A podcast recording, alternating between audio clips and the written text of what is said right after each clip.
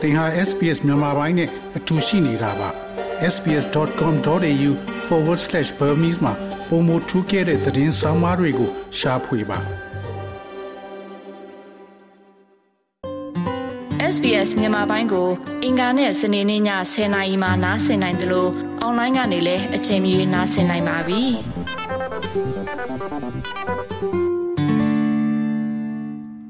သောရရှိမြခင်ဗျာဩစတြေးလျမှာ တစ်နှစ်လျင်9နှစ်အောက်ကလေးများသည်ပြင်းပြခြင်းအဖြစ်23ဦးရေနစ်သေဆုံးပြီးဩစတြေးလျတဝန်တွင်နှစ်စဉ်ရေနစ်လို့ဆေးရုံတက်ကုသမှုက183ခုရှိပါတယ်။အထူးသဖြင့်ရေလှုပ်ရှားမှုများအဖြစ်များသောနေရာတွင် နေထိုင်တဲ့အခါတွင်သင်ကလေးအားဘေးကင်းသော ရေကူးသမားဖြစ်လာစေရန်ကူညီပေးခြင်းဟာအရေးကြီးပါတယ်။ဩစတြေးလျမှာအသက်အရွယ်သို့မဟုတ် ရခင်အတွေ့အကြုံမခွဲခြားဘဲကလေးများအတွက်လိုအပ်သောအရေးအချင်းများဖွံ့ဖြိုးတိုးတက်ရန်ရွေးချယ်ခွင့်များရှိပါတယ်။ကံခြေမြစ်ရေကမှာပဲဖြစ်ဖြစ်တင့်တေသရေကူးကံမှာပဲဖြစ်ဖြစ်ရေပပလင်မှာတော့စုံစားနေတာအောက်မှာကြီးပြင်းလာရခြင်းရဲ့ဒါက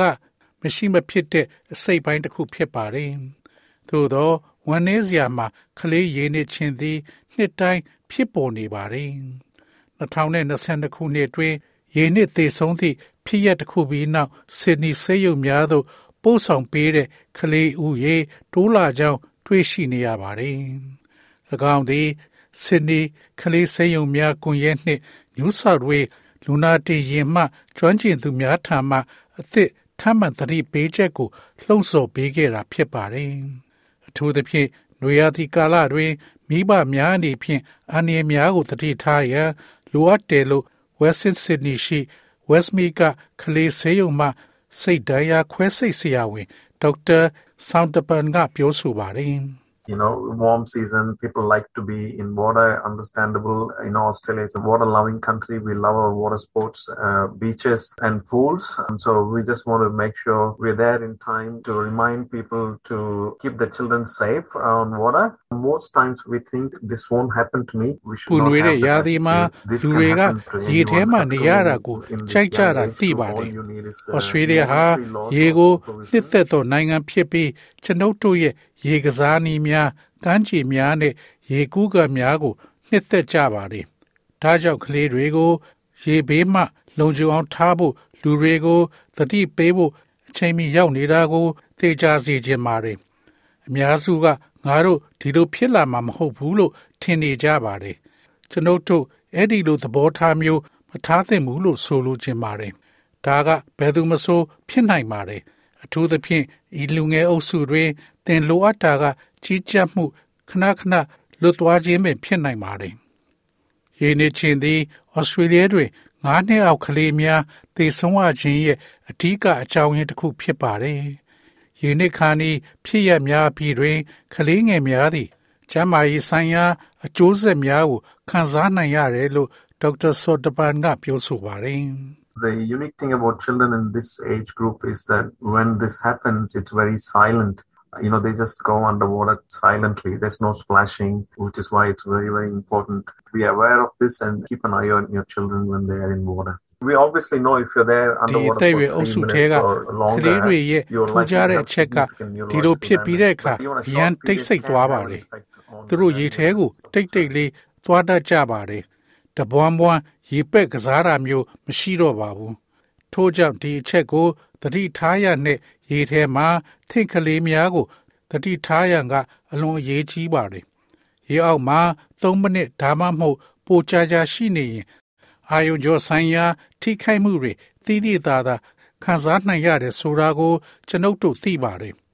ဒါပေမဲ့ရေအောက်မှာအချိန်တိုလေးတော့နစ်သွားခဲ့လို့ရှိရင်ကလေးရဲ့သင်ယူမှုစွမ်းရည်ပေါ် သက်ရောက်မှုရှိနိုင်ပါတယ်။ Stacy Pagin သည် Royal Life Saving ရဲ့သူတည်တနာနှင့်မူဝါဒဆိုင်ရာ အမျိုးသားမန်နေဂျာဖြစ်ပါတယ်။ရေနေချင်းအတွက်အဓိကကျတဲ့ကြိုတင်ကာဝေးရေးအချက်များမှာထိရောက်သော ကြီးကြပ်မှု CPR အသိပညာတတ်ထားမှုနဲ့မိဘများအတွက်ရှေးဦးသူနာပြုစွမ်းရည်နဲ့ကလေးသူငယ်များရေထဲဝင်ရောက်ခွင့်ကိုကန့်သတ်ခြင်းတို့ဖြစ်ပါတယ်။ရေကျွမ်းကျင်မှုနဲ့ ရေဘေးကင်းရေးအကြောင်းလေ့လာခြင်းသည် အသက်အရွယ်အုပ်စုအားလုံးအတွက်ရေကူးသင်ခန်းစာရဲ့မရှိမဖြစ်အစိတ်ပိုင်းဖြစ်တဲ့နယ်လို့ Miss Pigeon ကရှင်းပြပါတယ်။ So it is really important when parents are looking for a swim school or a swim program that it includes both swimming and water safety skills. So things like learning to float, learning to go underwater, how to rescue uh, someone without putting yourself in danger, and also knowing who to go to and, and who to call, whether or not that's triple zero ရေကူးတက်ဖို့နဲ့ရေဘေးကင်းရေးကျွမ်းကျင်မှုနှစ်ခုစလုံးပါဝင်တဲ့ရေကူးတင်တန်းကိုရှာဖွေသင်ယူဖို့ကတကယ်ကိုအရေးကြီးပါတယ် ဒါကြောင့်ရေပေါ်မှာပေါ်လို့မျိုးနေတတ်ဖို့ရေအောက်ကိုငုတ်တတ်ဖို့သင်ယူတာကိုကိုကိုအနေမဖြစ်စေပဲလူတစ်ယောက်ကိုဘယ်လိုကဲတင်ရမလဲပြီးရင်ဘယ်ကိုသွားရမလဲဘယ်သူ့ကိုခေါ်ရမလဲဆိုတာကိုလည်းသိနေတာမျိုးတွေပါတုံညသုံးလုံးဖြစ်စေသို့မဟုတ်အသက်ကယ်သူများထံမှသွားရအကူအညီတောင်းမှာမြို့သားရေကူးနဲ့ရေဘေးကင်းရေးမူပေါင်းတွင်ကလေးများသည့်အသက်အရွယ်အရ ဖွံ့ဖြိုးသင့်သည့်စွမ်းရည်များစီရင်ကိုခြေခြေပြန့်ပြန့်ဖော်ပြထားပါသည်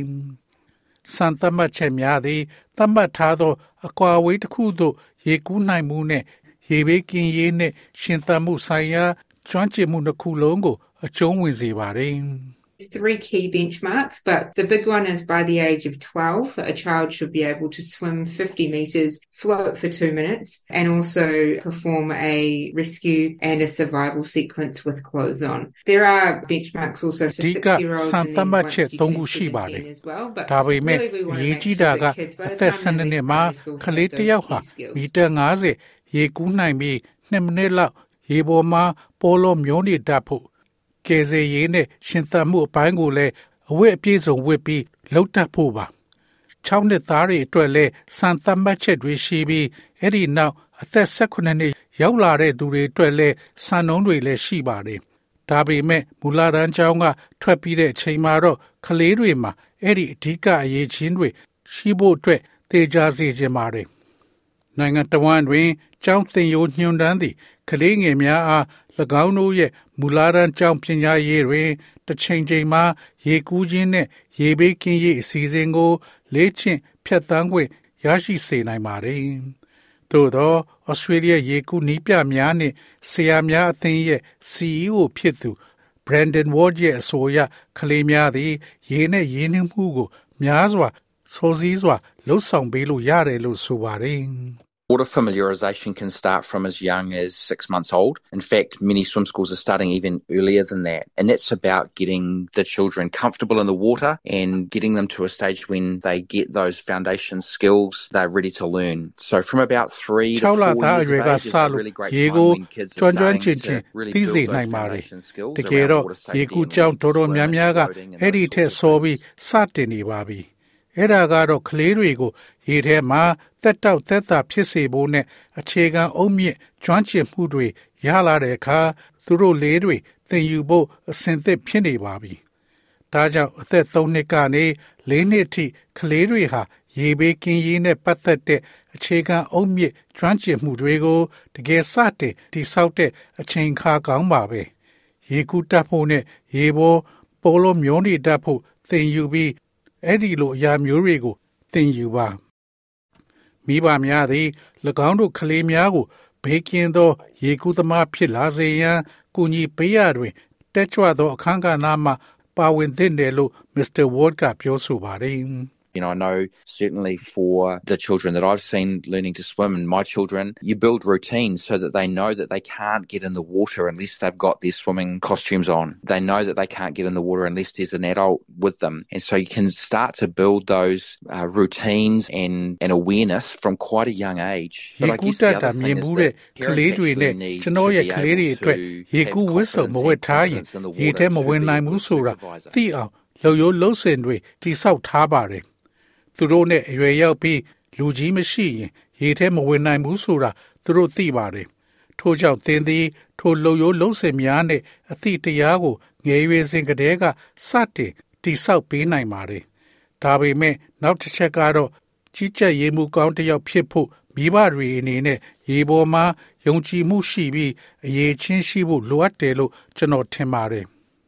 ရေနှစ်သေဆုံးမှုဖြစ်စဉ်တွင် ပါဝင်ပတ်သက်နေတဲ့ ကလေး9ဦးမှာတဦးခန့်သည်ယဉ်ကျေးမှုကွဲပြားသော နောက်ခံမှဖြစ်ကြောင်းဒေါက်တာဆူတပန်ကခံမှန်းပြောဆိုပါတယ်။ဩစတြေးလျမှာအရွယ်ရောက်ပြီးသော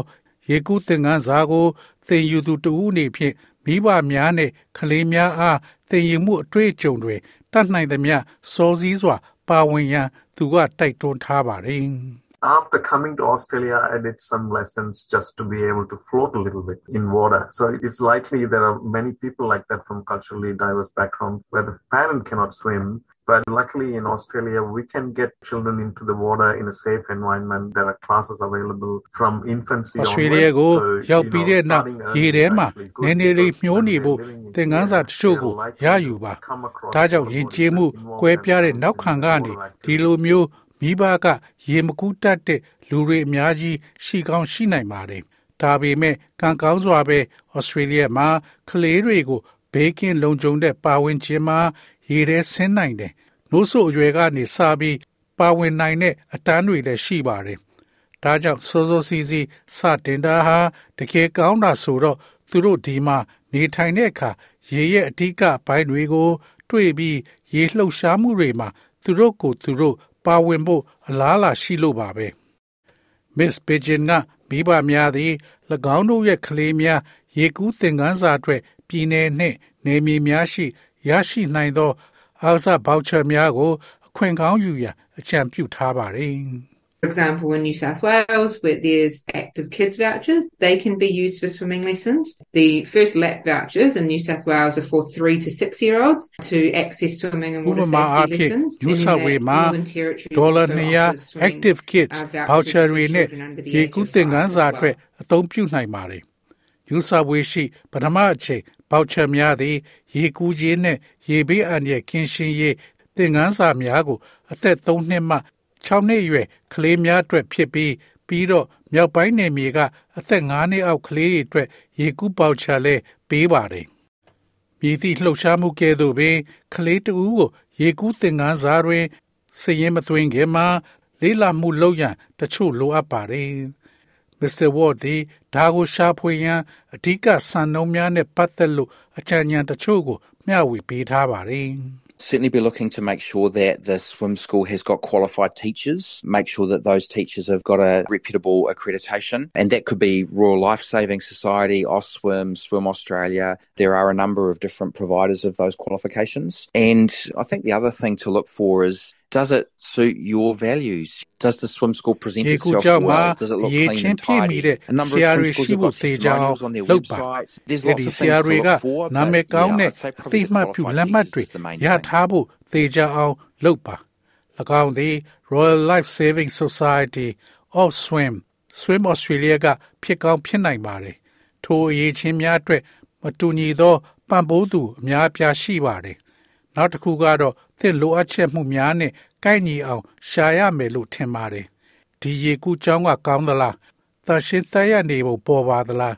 ရေကူးကြောင်းအတော်များများသည်၎င်းတို့ရဲ့ website များတွင်သက်သေခံချက်များရှိပါတယ်။သင်ရှားစရာတွေအများကြီးရှိပေမဲ့ဟုတ်ပါတယ်။အရေးချင်းရှိတဲ့ဆရာတွေကအဓိကပဲလို့ကျွန်တော်ပြောချင်ပါတယ်။သောတာရှင်များခင်ဗျာ SPS သတင်းဌာနကဇိုဝီ သမုဒီရဲ့ဆောင်းပါးကိုဘာသာပြန်တင်ဆက်ပေးထားတာဖြစ်ပါတယ်ခင်ဗျာ။ SBS Radio App ကို download လုပ်ပြီးနားဆင်မှတ်ချက်ပြုနိုင်ပါတယ်။ဓာတ်ရိုက်သို့မဟုတ်အချိန်မြေးနားဆင်နိုင်ပါပြီစစ်တမ်းမှာပါဝင်နိုင်သလိုဆက်သွယ်မှုလည်းပြုလုပ်နိုင်ပါတယ် Google Play ဒါမှမဟုတ် App Store မှာအခမဲ့ရယူနိုင်ပါပြီ